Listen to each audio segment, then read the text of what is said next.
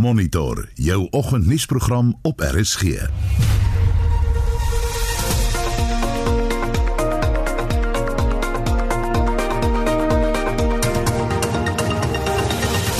ons program die minister van Finansies lewer vanmiddag sy begrotingsrede. Ons fokus deur die loop van die program op verskeie aspekte van die begroting en na wat ons kan verwag. Die regering gaan moet help om die kwessies op die tafel wat die volhoubaarheid van die sektor belemmer aan te spreek. Dit sluit in finansiële ondersteuning aan die wynbedryf en aan provinsies wat steeds droogte toestande beleef. Die regryk van die bestuur en struktuur van landbank en die versnelling van die proses om Eskom reg te ruk. Die DA het onlangs die stop kaderontplooiing wetsontwerp in die parlement voorgelê. Ons vind uit presies wat die wet behels en waarom dit nodig is. Goeiemôre, ek is Sanita Visser. En ek is Gustaf Greiling. Welkom hier by Monitor. 13 minute oor 6. Dankie dat jy saam luister na Monitor op RSG. 'n Oorsig nou oor die koerant voorblaai, die nuus van vanmôre en al die koerante is weer vol van matrieknuus nog steeds vir 'n tweede dag. Matrieks jubel nog toppresteerders en al die fotos van die matriek staan uh, op die voorblad van die burger vanmôre is daar 'n foto van uh, mense van Stellenbosch. Uh, ja, dis die hoërskool Stellenbosch wat dan op die foto op die voorblad is en ek seker daar's nog baie meer binne in die koerant. Die hoofberig uh, op die burger se voorblad 11,1 miljoen mense in SA is sonder werk. In diens 15 miljoen. Suid-Afrika het nou net meer as 15 miljoen mense met werk. So min soos laas in 2013 gesien. Nog 'n berig lyk op Tafelberg dalk die van vrou van Gordons Bay. Dit is gister gevind, vermoedelik dan die, die Gordon Bay se vrou wat Vrydag vermis geraak het, Colette Eksteen 48. Verder 'n berig wat sê Wille skaap kan weer sien na sy woljas van 34 kg waai het so baie wol gehad hy kon nie meer uit sy oë uit sien ek het 'n foto van hom uh, voor die voor die knip en na die knip met sy jassie uh, lyk like Barak sy naam is Barak is soos 'n nuwe skaap nadat hy van sy wolkaros van 34 kg verlos is. Beeld se voorblad het ook die matrieks, die matriekvreugde en daar's ook 'n foto dan en uh, van um, die matrieks van die hoërskool Oosmoed in Pretoria, heel wat meer ook in al die berigte dan op die voorblad. Ek is bly dat ek my pa so kon trots maak. Heinrich Leroux sê ek is baie tevrede met die uitslaa, maar dit het nie net van self gekom nie. Nog 'n berig dan ook dan die 11,1 miljoen mense in Suid-Afrika wat nie werk het nie, die hoofberig uh, op die koerante vanmôre dan. En Volksblad se digitale voorblad Vrystaat wys sy bestes aan matrikulant uitblinkers. Makhu sê versuur bly op 90% wat slaag. Internasionaal dan op bbc.com Tiger Woods is in die hospitaal na 'n motorongeluk en hier is 'n foto of 'n video materiaal dan van hierdie ongeluk ehm um, van Tiger Woods en hy is nou in die hospitaal daarvoor. En dis net so vinnige oorsig oor uh, vanoggend se nuus. Nou ons uh, die minister van finansies Tito Mboweni, hy sal na verwagting dan nou vanmiddag in sy begrotingsrede om op die armoede kwessie en die hoë staatsdiens salarisse toespits en Esther Clerk berig. Ekonome verwag dat die begrotingsrede die lot van baie Suid-Afrikaners wat verlede jaar hulle werk verloor het, sal aanspreek.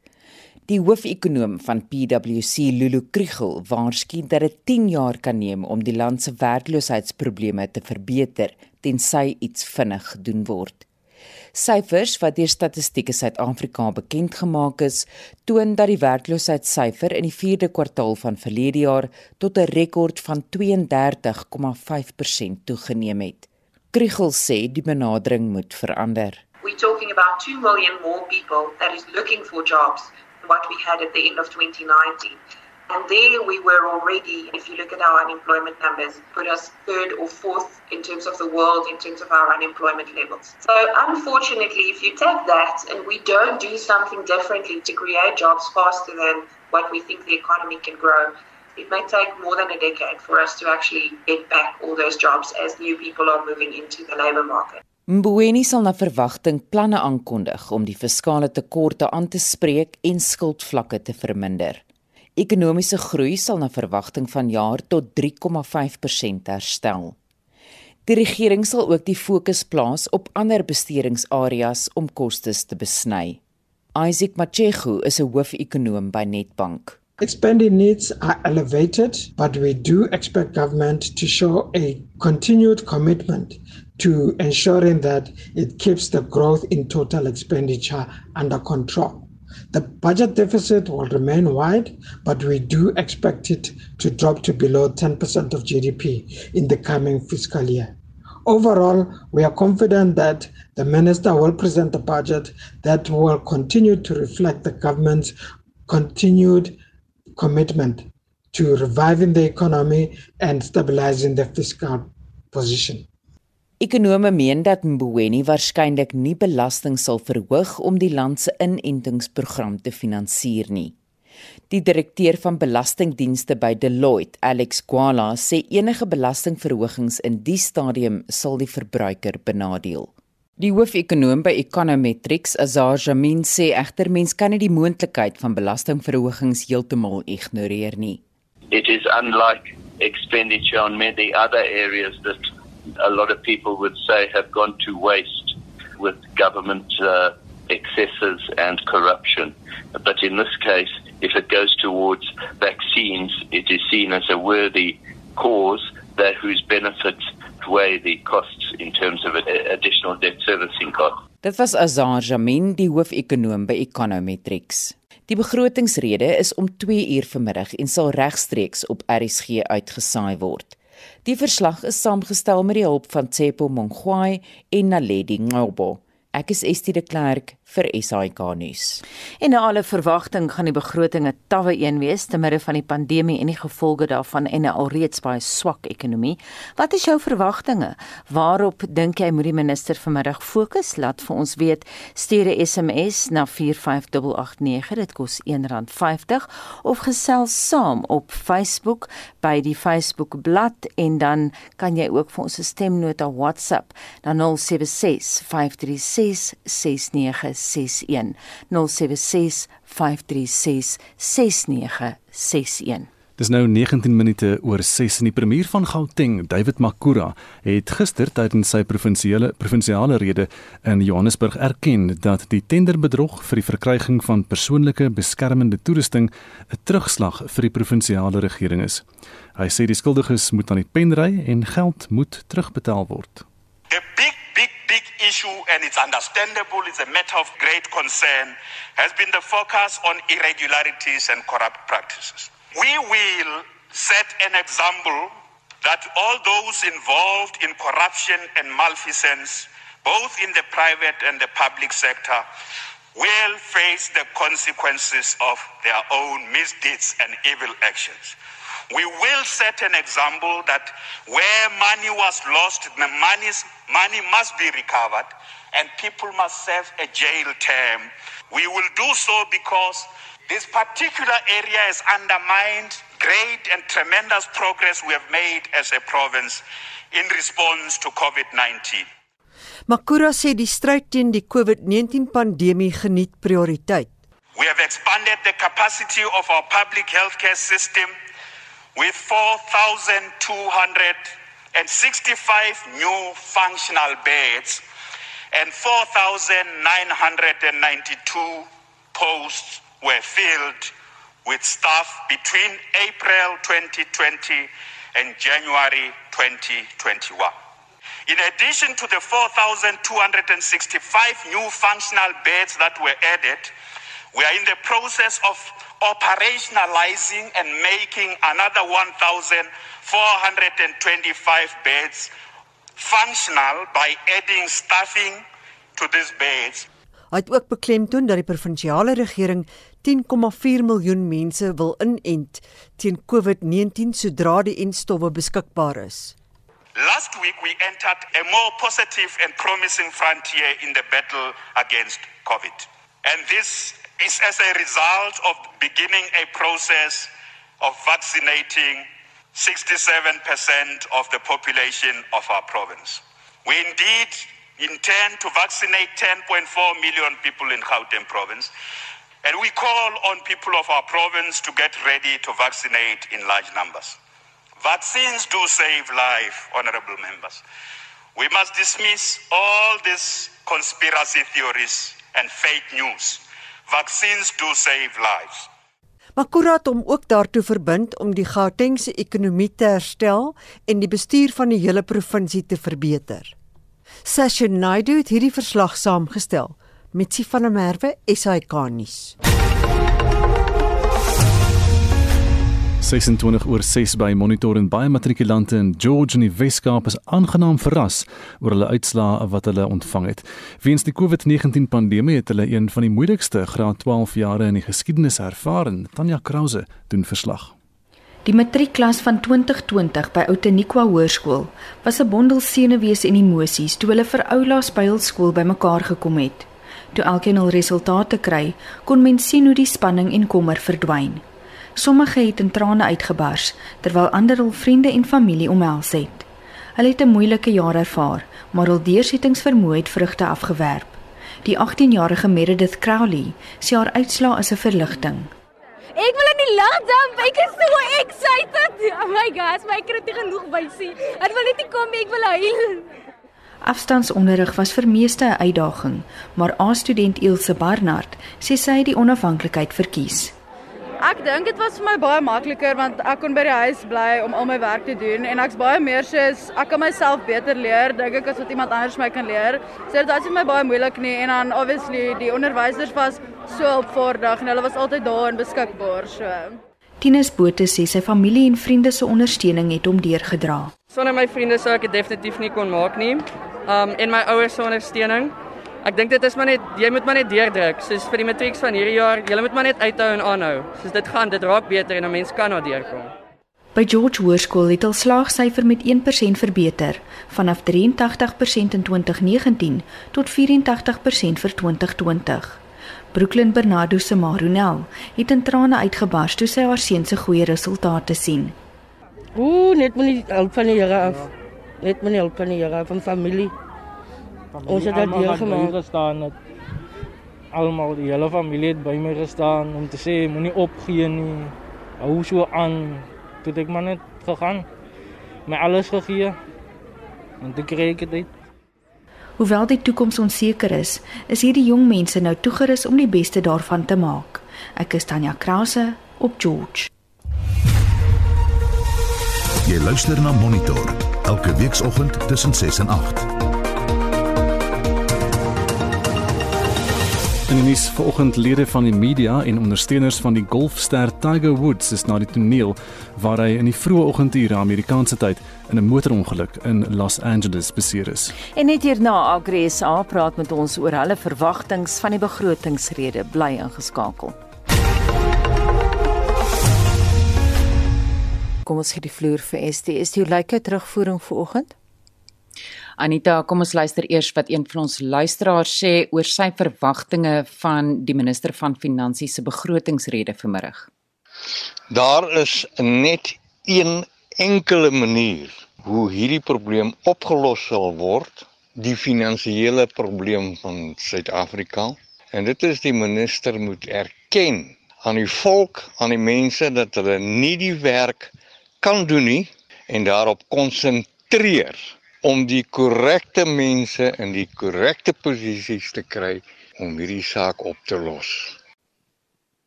En dan sê Elna Botha, sy sal wil hê die minister moet aandag gee aan staatspensioene en Elsie Bernardo Maree skryf ek verwag verwag niks buitengewoon nie behalwe meer belasting verhogings. Ons wil vanoggend by jou weet, wat is jou verwagtinge oor die minister van Finansies Tito Mboweni se begrotingsrede vanmiddag? Waarvoor hoop jy sal die minister fokus in sy toespraak? Stuur vir ons 'n SMS na 45889 teen R1.50 per SMS. Gesels saam op ons Facebookblad by facebook.com vorentoe skynstreep ZARSG of WhatsApp vir ons stemnota na 076 536 6961. 24 voor 7 en ons beweeg na die sportveld. Hier is Shaun Jooste.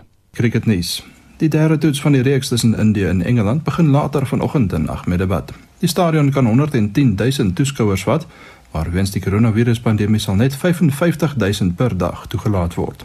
Dit is ook die eerste dag-nagtoets wat met die pinkbal gespeel word tussen die twee lande. Die reeks is gelykop met 1 elk. Sri Lanka se voormalige aanvangskolwer, Upal Taranga, het sy internasionale uittrede aangekondig. Die 36-jarige Taranga het 31 toetse, 235 eendag en 26 T20 wedstryde vir Sri Lanka oor 15 jaar gespeel. In die plaaslike T20 uitdaging het die Cape Cobras hulle wedstryd teen die Warriors met 24 lopies gewen. Die Protea draaibouler George Linde was die speler van die wedstryd vir sy 4 vir 25 met die bal en die 48 nie uit nie wat hy met die golf aangeteken het. En die Lions het die Knights met 7 paaltjies afgeronsel en staan nou bo aan die punteleer op 12 punte. Die Knights is vir 106 uitgeboonder met die snelbouler Sesande Magala wat 5 paaltjies vir net 20 lopies laat kantel het. Die Titans en Warriors pak mekaar vanoggend 10uur en die Dolphins en Lions mekaar vanmiddag 0:30. Sokker. In gisteraand se eerste beenwedstryde van die Kampioenligga se laaste 16 ronde het Chelsea vir Atletico Madrid met 1-0 uitoorlê en Bayern München het Lazio met 4-1 afgedraf. Dit was beide wegwedstryde. Vanaand teenoor met Atalanta teen Real Madrid en Borussia Mönchengladbach teen Manchester City kragte.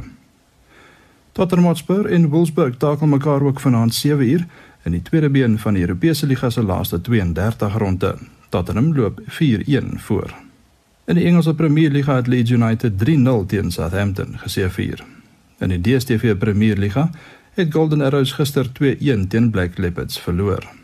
Vanmiddag 3uur skuur TS Galaxy teen Bloemfontein Celtic en 5uur SuperSport United teen Orlando Pirates skouers.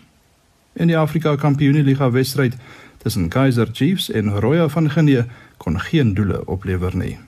Laastens in rugby nuus. Volgens berigte in die media het die Britse en Ierse leeu's die betrokke regerings genader oor die moontlikheid dat die toetsreeks tussen die leeu's en Suid-Afrika in die Verenigde Koninkryk en Ierland gehou kan word. Die toer is vir Julie en Augustus in Suid-Afrika geskeduleer, maar omstandighede rondom die koronaviruspandemie maak dit moeilik aangesien Suid-Afrika nou eers met 'n inentingsprogram begin het. Rugby Australië het ook aangebied om gasheer te speel met uitverkoopte stadions wat 'n groot moontlikheid is aangesien Australië die virus onder beheer het. Die Lions se beginspan vir Vrydag se franchise voorbereidingsreeks wedstryd teen die Pumas is bekend gemaak. Die slotreiner Notnagel sal die span aanvoer. Die voormalige SA skole afrigter en Lions onder 21 breier Mziwaki en Kosi sal die span afrig. Die wedstryd skop 7 uur op Emirates Airline Park in Johannesburg af. Die Lions het ook aangekondig dat Notnagel, die stutstee Setole en die agterlynspeler Tian Swanepoel hulle kontrakte met die Unie verleng het. Shaun Schuster, SAK Sport. Dankie vir die SMS uit die Noord-Kaap oor die verkeer. Daar's protesoptogte in Warrenton en Dikmis op die N12 op pad Bloemhof toe, sê daardie boodskap. Jy luister na Monitor op RSG en die DA het onlangs die stop kaderontplooiing wetsontwerp in die parlement voorgelê. Die party sê dit is die eerste stuk wetgewing sedert 1994 wat kaderontplooiing wortel en tak sal uitroei. En ons praat daaroor met die DALP en skare minister vir staatsdiens en administrasie Leon Schreiber. Môre Leon. Môre Anita, môre Gustaf en môre aan die luisteraars. Ons het nou in breë trekke vir luisteraars geskets waaroor dit gaan, maar gee vir ons meer besonderhede. Ek dink 'n mens moet begin by die onthullings wat wat onlangs in onlangse weke by die Sonderkommissie gemaak is. Uh as jy kyk na uh alles van die staatsveiligheidsagentskap tot die parlement se rol in in staatskaping, dan is die vraag wat heeltyd by mense opkom, hoe is dit moontlik dat hierdie mense wat ons staatsdepartemente en staatsentiteite bestuur in hulle poste aangestel is in die eerste plek?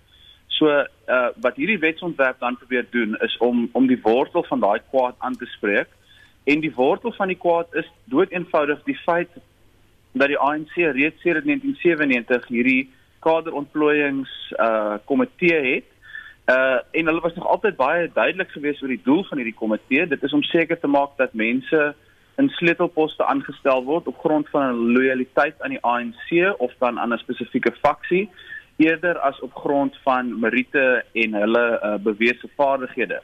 So wat hierdie wetsontwerp doen is om dit dan onwettig te maak vir enige staatsamptenaar of 'n uh, 'n uh, uh, soortgelyke sleutelpos in die staatsdiens vir so 'n persoon om ehm um, enige posisie van uh van mag te hê in 'n politieke party en dit gee ook vir die staatsdienskommissie die mandaat om seker te maak dat alle aanstellings in die staatsdiens op grond van meriete geskied.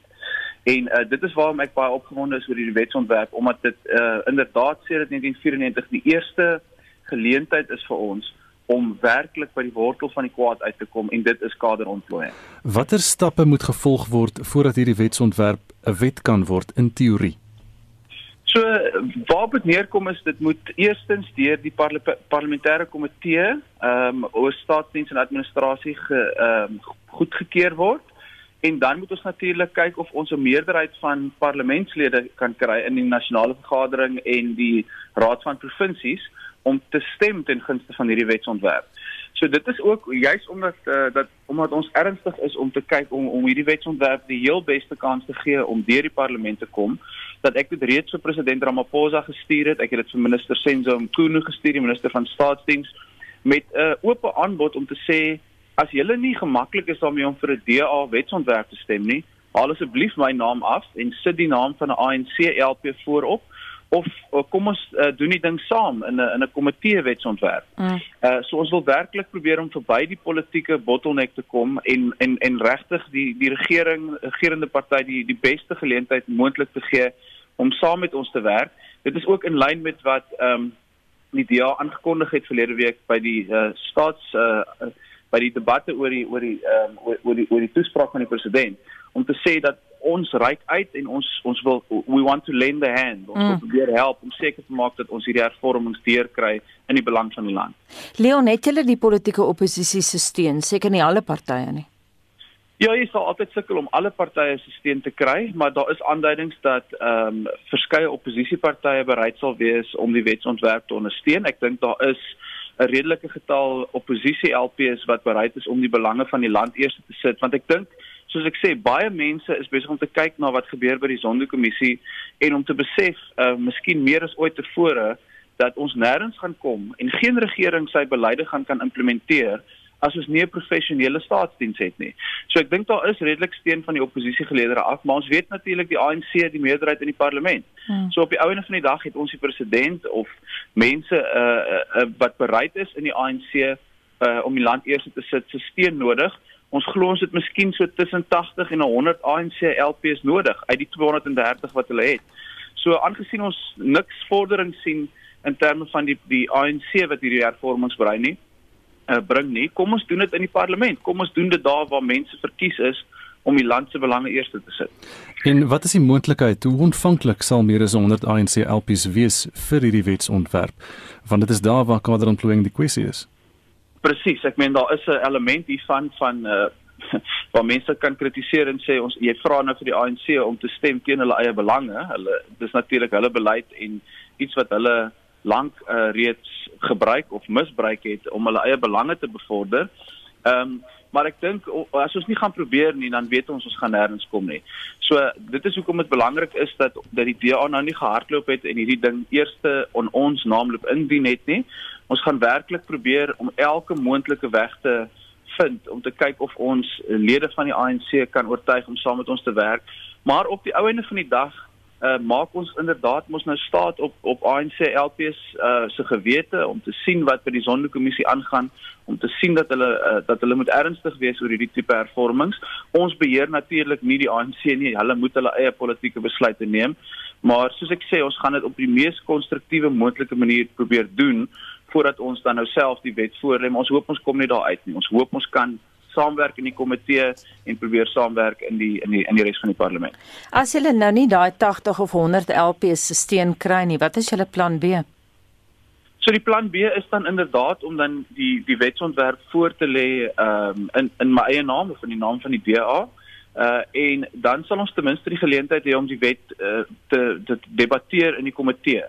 En dit gaan ten minste dan 'n geleentheid skep vir Suid-Afrikaners om te sien wat is die redes waarom die DA die wetsontwerp steun, waarom uh, moontlik ander oppositiepartye die wetsontwerp steun en inderdaad dan indien daar op uh, teenkanting is, waarom daar mense is wat wat nie wil hê dat ons mense op grond van meriete in die staatsdiens moet aanstel nie. So dit is ongelukkig uh, 'n uh, minder ideale uitkoms, maar ten minste is dit 'n geleentheid dan um, vir Suid-Afrikaners om te sien watter partye is besig om ernstig te reageer op die lesse van die Sonderkommissie en watter is ongelukkig steeds vasgevang in 'n patroon van uh die party moet eers te kom bo die land en die kaders moet eers te kom bo 'n professionele staatsdiens. Vertel vir ons vinnig van hierdie brief wat jy geskryf het aan die president in gevolg die wet op die bevordering van toegang tot inligting waarin jy vra vir volle besonderhede van kaderontplooiingsvergaderings. Wat behels dit en watter vergaderings? Ja, so dit is deel van die veldtog wat ons ons dryf rondom hierdie kwessie. Ehm um, die die die die, die PAIA wetgewing soos wat dit bekend uh, bekend staan, uh, wet op bevordering van toegang tot inligting, maak dit moontlik vir 'n mens om dokumente aan te vra van 'n privaat organisasie indien daar grondwetlike regte op die spel is. So wat ons graag wil hê, uh, ons weet president Ramaphosa het in 2013 die voorsitter geword van die ANC se kaderontplooiingskomitee. En ons wil graag die notules sien, ons wil graag sien wat se besluite geneem is, ons wil graag sien hoe daai besluite geneem is en op watter wyse die kaderontplooiingskomitee moontlik vir die vir mense in die kabinet of mense wat aanstellings maak voorgesê het oor mense wat hulle behoort aan te stel. Ons glo dit is natuurlik in die openbare belang dat Suid-Afrikaners die volle prentjie kry oor soos ek aan die begin gesê het, hoe dit moontlik was dat ons mense so Slaudi Motsoneng, soos Brian Molefe kon aanstel by ons mees belangrike staatsinstellings mm. en ek dink die die paie aansoek wat ons geloods het ehm um, indien ons daai inligting in die hande kan kry is dit beslis in die in die belang van ons demokrasie.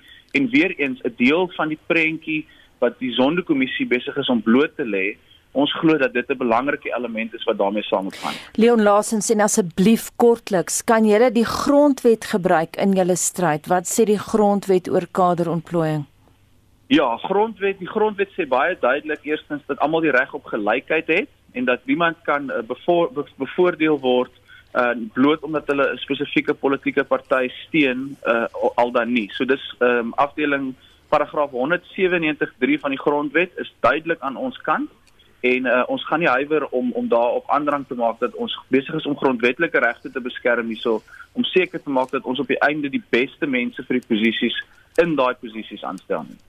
Baie dankie dit aan Leon Schreiber. Hy is DALP en skare minister vir die staatsdiens en administrasie. Dis 12 minute voor 7 in die begrotingsrede word vanmiddag om 2 uur deur die minister van Finansies Tito Mboweni gelewer.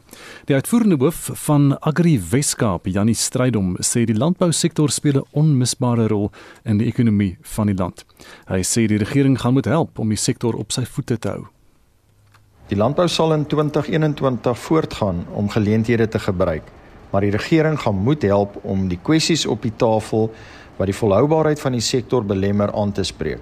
Dit sluit in finansiële ondersteuning aan die wynbedryf en aan provinsies wat steeds droogte toestande beleef, die regryk van die bestuur en struktuur van landbank en die versnelling van die proses om Eskom reg te ruk. Janie stryd om die uitvoerende hoof van Agri Weskaap. En ons bly by die storie en praat nou met die uitvoerende direkteur van Agri SA, Christo van der Rede, vir sy verwagtinge van die begroting. Goeiemôre Christo. Goeiemôre aan jou en al al die luisteraars. Wat is op jou wenslys? ja, nee, dit is hopeloos te lank om alles op te doen.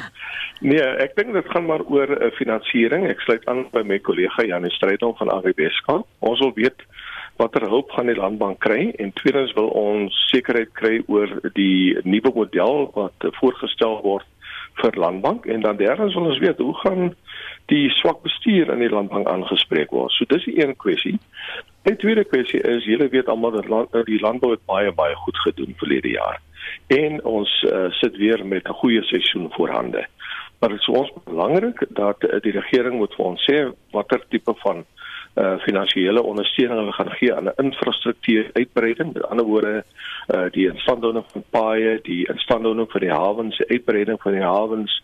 Ons het ook lang gesprekke met die jong minister van finansies gehad oor uh jy weet uh um uh, elektrisiteit en watervoorsiening en ook paaie ontwikkeling. So ons hoop dat daar geld beskikbaar gaan stel word. Ons weet net nie waar die geld vandaan gaan kom nie, maar uh dit is 'n tipe van uh, goed wat moet aangespreek word sodat ons land landbou na die volgende vlak toe kan neem. Kry die landbousektor in die algemeen genoeg aandag in die begrotingsrede vir alles jy dink dat dit 'n werkskepende sektor is?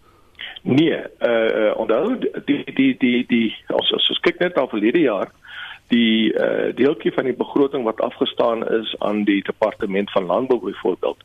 Daai uh, bedrag is met 1.8 miljard rand besnoei.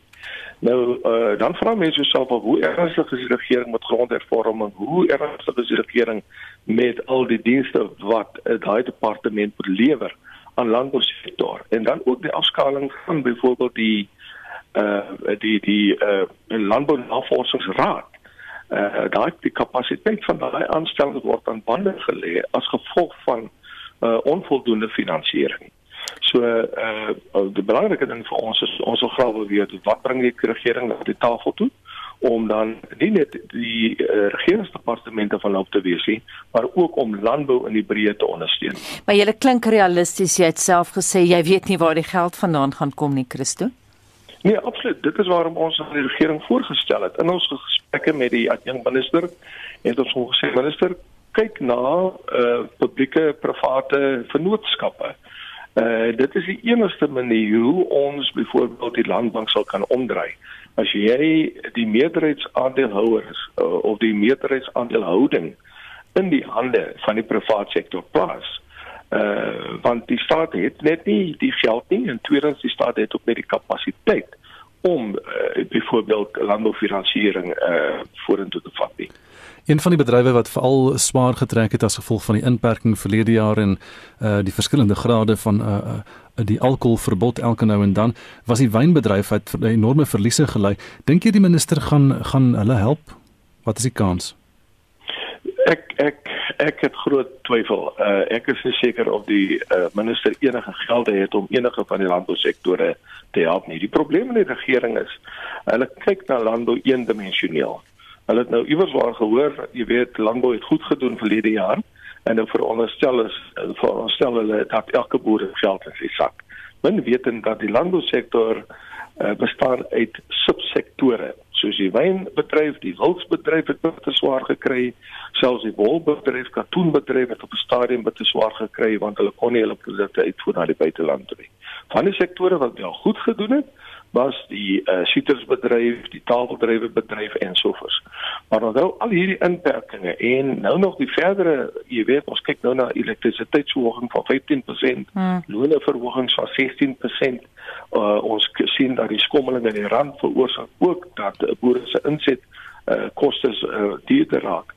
So uh, jy weet dis 'n garansie wat gou eers lê en uh, ek dink dat die regering moet uh, gaan sit en uh, nadink oor hoe hulle hierdie ehm um, uh, jy weet die sektor kan beskerm en sodat die sektor meer werk kan skep. As ons net kyk na Augustus se syfers, 70000 werksverliese uh jy weet in die in die verlede jaar in die sektor en uh, dit is hou nie uh, uh, enigiets goeds in vir die vir die land in geheel nie. Kom ons kyk 'n bietjie na die landbank. Jy het vlugtig verwys daarna. Jy het gesê jy is bekommerd oor die swak bestuur in die landbank. Hoe belangrik is daai bank in die landbou? Onder die daai bank uh, dra so wat uh, 30% by tot uh, landbou uh, finansiering. En by ander woorde, kom in die vorm van produksielenings, ook uh, infrastruktuurlenings en so voort. Nou, ehm um, uh, jy weet ons produseer kos op skuld. Uh die totale uh lenings op produksie-lenings uh, vir vir hierdie jaar uh, of tot op hede beloop amper 200 miljard rand. Nou die landbank uh jy weet ons kyk so aan 'n amper uh 50 miljard rand wat deur die landbank uh beskikbaar gestel word aan uh, landboumaatskappye en die landboumaatskappye weer op hulle beurt aan die boere. Nou waar sit ons op hierdie oomblik? Die landbouke het sy uh, dienste ooreenkomste met 'n klomp van ons uh, landboumaatskappye opgeskort. In ander woorde, die groot vraag is hoe gaan daai geld wat die landbank beskikbaar stel aan boere dan eindelik by boere uitkom? Ons weet dat die landbank het nie die kapasiteit om boere op grondvlak te dien nie. Daai kapasiteit lê by landboumaatskappye. En dit plaas landboumaatskappye op risiko en dit plaas boere op groter risiko, maar dit plaas ook voedselsekuriteit op groter risiko. En die groot probleem het uh, verband met swak bestuur binne die landbank, maar ook natuurlik 'n hele reeks faktore wat veroorsaak het dat baie boere nie hulle uh, ooreenkomste kon nakom nie as gevolg van droogte en ander faktore. Maar dit is waar die regering moet inkom om dan een of of, uh, of ander vorm van subsidie beskikbaar gestel om daai boere uh jy weet uh, net op hulle plase te Gepraat van die landbank in in die verlede en vorige begrotings eh, was die landbank nogal een van die min staatsinstellings wat wel dan nou reddingsboei gekry het en waarna omgesien is ehm um, selfs alles daar van die ander staatsondernemings wat bakkant gestaan het en niks gekry het nie. Hoekom is dit vir hulle so belangrik om die landbank aan die gang te hou? Wat gaan gebeur as dit moet ondergaan? Onthou dat die landbank maak goedkoop finansiering beskikbaar aan die boere. Uh in Suid-Afrika uh, is boerdery omstandighede baie baie moeilik. So om vir 'n vir 'n boer om aan die gang te bly en om vir 'n boer om aan die gang te kom. En hier verwys ek baie spesifiek na jou opkomende boere. Moet jy 'n kombinasie van van finansiering kry. Met ander woorde ons praat uh, van gemengde finansiering. Aan die een kant uh sagte lening, uh jy weet met lae rentekoerse, 'n uh, langtermyn van sê 20 jaar om my lening terug te betaal en dan aan die ander kant het jy ook uh, wat ons in Engels praat van 'n grant, met ander woorde 'n toelaag deur die staat om uh, die boer te help om op sy grond te bly of om aan die gang te kom. En die landbank, uh, jy weet dit oor jare daai daai kapasiteit opgebou. Hmm. Uh, en nou sien ons met 'n baie groot probleem want die landbank kan nie meer dit uh, voorsien nie. En dit beteken dat die landbank se as gevolg van die afgradering deur kredietagentskappe gaan landbank se geld uh, wat hy beskikbaar stel aan boere deur hulle van lenings duurder word en dan raak dit jy weet dan kan jy net so goed na 'n kommersiële bank gaan. Christo, kan jy vir ons in 'n minuut vertel meer vertel oor die minimumloon? Jy het nou kortliks verwys na die feit ons kyk na 'n 16% loonverhoging. Hoe haalbaar is dit vir die boere? Onthou nou vir jou kleiner boere, jou opkomende boere is dit nie moontlik nie. Uh daar's wel uh boere wat baie meer as die uh minimumloon betaal, maar dit is spesifiek van toepassing op ehm um, permanente werkers. Ons uh, het 'n opname nou laat doen en die opname wys vir ons dat baie boere gaan uh seisonale werkers op groot skaal aflê. Hulle gaan ook hulle uh jy weet uh, groente boerderye en al die tipe van goed wat uh, jy weet wat hulle help om 'n kontantvloei te verbeter gaan hulle bloot net afskaal want hulle het nie die kapasiteit of hulle het nie die die geld om daai tipe van goed te doen nie. Maar meer nog boere het ook vir ons aangedui gaan op groot skaal mekaniseer nou in 'n land met amper 40% meer as 40% werkloosheid is was ons beroep op die regering om nou eers toe te sien dat mense in 'n werk kom en dat ons die bureaukratiese rompslomp wat verband hou met al hierdie wetgewing vir 'n boer om aansoek te doen om vryskelding is so rompslomp dat jy aan die einde van die dag bloot net ondergronds gaan want jy kan dit nie doen nie. Dit ja, so met ander woorde ons fokus moet verskuif na werkskepping in die land op groot skaal uh, want die regering se korttermyn uh, jy weet uh, Ja. Ja, sommer al al troep daar. Ja. Ba baie dankie dan Christo van der Rede, hy is uitvoerende direkteur van Agri SA. En nou is dit 7 uur en nuustyd op RSG. SAK nuus. Onafhanklik, onpartydig.